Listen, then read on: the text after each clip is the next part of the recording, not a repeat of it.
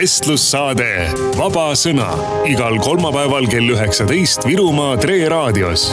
järelkuulamine viru.treraadio.ee tervist, head Viru Tre raadio kuulajad.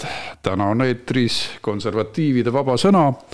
mina olen saatejuht Anti Poolamets ja mul on täna külas stuudios ajaloolane ja Riigikogu liige Jaak Valge, tervist. tervist, aitäh Anti kutsumast praegu on üleval väga palju teemasid, seda kogesin ka täna Riigikogu saalis, mistõttu tänane saade tuleb lühem ühe, ühe põhilise teemaga, kus ma räägin Jaak Valgega sõjapõgenikest, Ukraina saatusest ja sellest, mis tundub Ukrainale kõige parem olevat. ja võib-olla jõuame mõne sõna rääkida ka erakondade reitingutest aga hea meelega räägin oma kogemustest. viimasel nädalavahetusel käisin Kadrinas aktiivsete inimestega pakkimas ukrainlastele kuuliveste. sain elamuse, kuidas eestlased suudavad tühjalt kohalt imelist tootearendust teha kuidas nad Ukraina rindemeeste nõuannete järgi on koguni arendanud oma kuulivesti silmapaistvalt, et teinud äh, ta paremast materjalist, paremate kinnitustega, kergema, efektiivse. Äh, nii et äh, leidlikkust meil jätkub, tuleb seda osa, osata ainult õigesti suunata. ja sellepärast tasub ikkagi rääkida ja mõelda, kuidas Ukrainale kõige kasulikumalt abiks olla. ja minu meelest üks abiks olemise viis on näiteks Ukraina koolilastele võimalikult palju ukrainakeelset haridust pakkuda nende kooliprogrammi alusel Jaak, kuidas sulle tundub, milline keelelahendus on neile kõige kasulikum ja Ukrainale kõige kasulikum, kui ta plaanib ju ometigi oma kadunud poegi ja tütreid, kes on võõrsile pidanud siirduma, ju tagasi saada ja koos hakata kodumaad üles ehitama? see on väga oluline küsimus ja ma pean ütlema, et meie peavoolumeedias on äh, jätkuvalt jäänud äh, üles selline lähenemine, et me oleme Ukrainale kasulikud siis, kui me esiteks võtame vastu võimalikult palju nende põgenikke ja teiseks, et kui me hakkame neile usinasti eesti keelt õpetama ja kui me kui me võtame nende õpilased siis eestikeelsetesse koolidesse, hakkame hakkame nendele järk-järgult ka eesti keelt õpetama ja ehk siis lõppkokkuvõttes põlistame neid võimalikult palju siia Eestisse. tegelikult, kui me mõtleme natukene strateegiliselt ja mõtleme ka nii, nagu peavad mõtlema rahvuskonservatiivid ja üldse need, kellele on tähtis selline õiglane ja õitsev rahvu, rahvusriikidest koosnev maailm, et siis on meil, siis me peame mõtlema Ukraina saatuse peale. Ja, ja siin on mitmeid uurimusi juba tehtud. Ja üks selline kõige mainekam on siis St Andrewsi ülikooli demograafide oma, mis tuli juba tegelikult välja märtsi lõpus ja kus siis eeldati seda, et Ukrainast põgeneb viis miljonit inimest noh, tegelikult on neid põgenenud juba rohkem. ja, ja nende siis demograafiline äh, äh, prognoos kõlas siis niimoodi, et juhul, kui nendest viiest miljonist ja tuletan meelde, et nendest on suurem osa on siis äh, naised ja lapsed, aga kusagil viisteist kuni kakskümmend protsenti on siiski mehed ka. et kui nendest viiest miljonist jääb üheksakümmend protsenti Ukrainasse tagasi pöördumata just nimelt see, mida me, mida meie praegu, mida Eesti riik praegu proovib teha oma lühinägelikkuses. et kui jääb üheksakümmend protsenti Ukrainasse tagasi pöördumata, siis tegelikult tabab Ukrainat demograafiline katastroof, tabab äh, demograafiline kollaps. ja mis siis äh, seisneb selles, et Ukraina rahvaarv väheneb aastaks kaks tuhat nelikümmend kusagil kolmandiku võrra, aga see ei ole veel kõige olulisem, olulisem on hoopis see, et tööealiste osakaal väheneb veel märksa rohkem kui kolmandiku võrra ja laste osakaal väheneb siis isegi viiskümmend kuus protsenti. nii et te kujutate ette sellist riiki, kus siis elavad põhiliselt ülalpeetavad vanemad inimesed, kus siis on täiesti käest ära nende tööealiste ülalpeetavate struktuur. Ja, ja lapsi on väga vähe. Põhimõtteliselt tähendab see seda totaalselt allakäivat riiki, eks ju. et seda ja mis siis, mille, millel puudub tulevik ja millel puudub ka sel juhul olevik. Selles mõttes, et et sealt ju hakkavad sel juhul need inimesed, muud inimesed, tööealised inimesed ka ju emigreeruma, kuna nad ei suuda oma pensionäre üleval pidada. Ja siis see, kui me siis seda, sellist Ukraina arengut toetame, et siis me, siis me teeme kõike seda, mis on Ukrainale kõige kahjulikum. Ja tegelikult on see ka meile endale kahjulik, sellepärast et, et ma praegu isegi ei räägi sellest, et mis see teeb meie majanduse või meie demograafilise struktuuriga, ma mõtlen Eesti oma, ma mõtlen laiemas mõttes, et kui Ukraina kujul, kujuneb selliseks äh, demograafiliseks äh, pommiauguks, et see siis tähendab seda, et siis see on, on igavesti või vähemalt pikka aega äh, aastakümneid, kui mitte sajandeid, üks selline Euroopa kõige nõrgem riik, mida siis, mis isegi provotseerib ennast uuesti ründama ja me peame, peame teda siis sellisena mingil kujul seal siis üleval pidama. nii et ma loodan, et väga, et, et sellist arengut ei tule ja meie Eestis ei peaks selle kuidagimoodi kaasa aitama. ja mis puutub nüüd nendesse lastesse, et siis on ilmselgelt on ju kõikidele soodsam see, et kui me hõlbustaksime nende õpet Ukraina koolisüsteemis mida me teha saame?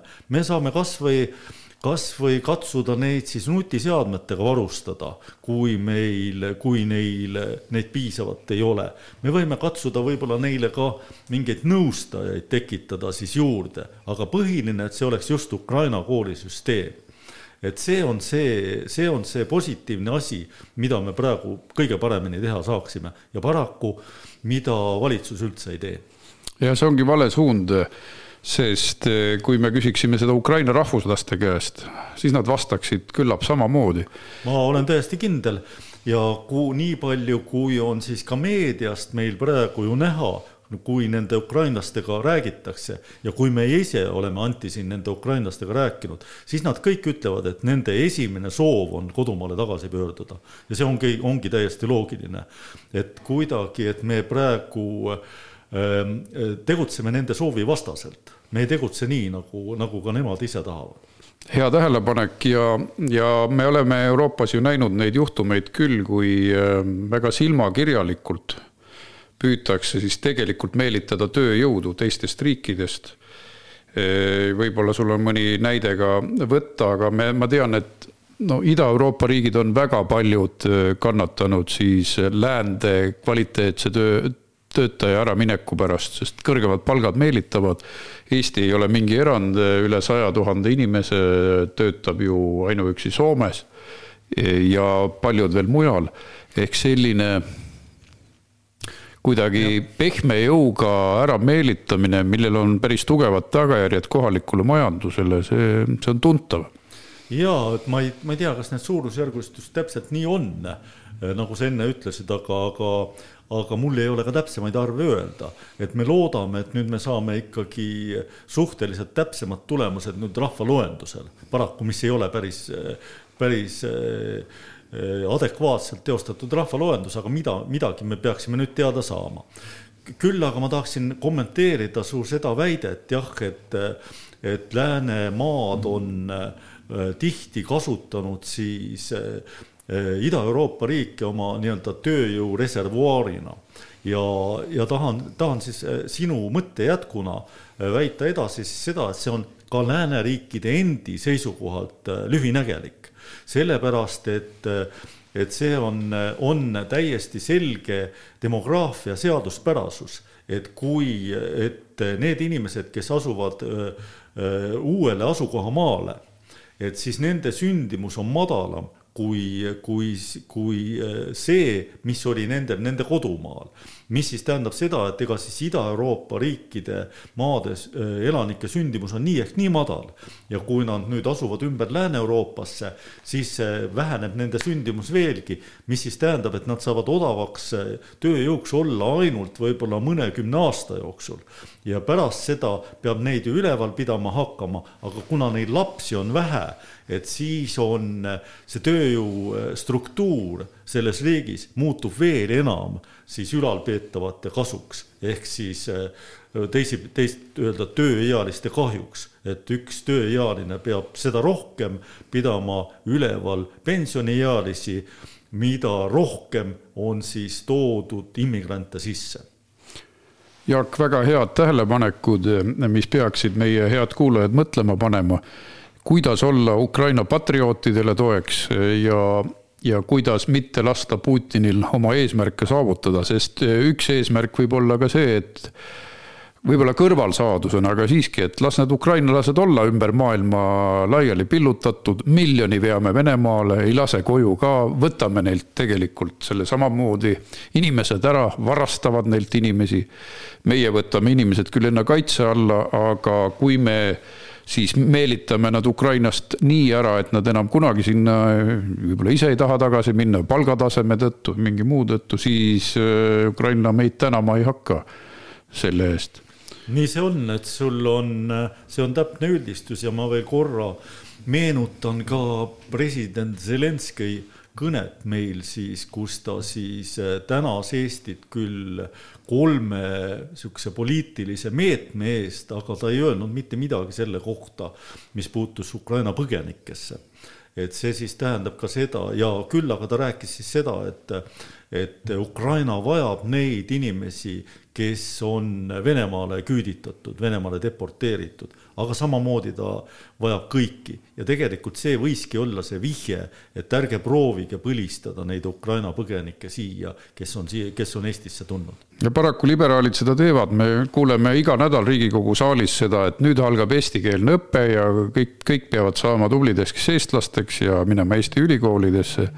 Aga neid ootab ka Ukraina ja armastab oma inimesi Eh, nii et eh, mõelgem selle peale, kuidas neid praeguseid päris sõjapõgenikke toetada ja eriti aidata neil jääda rahvuslasteks, patriootideks.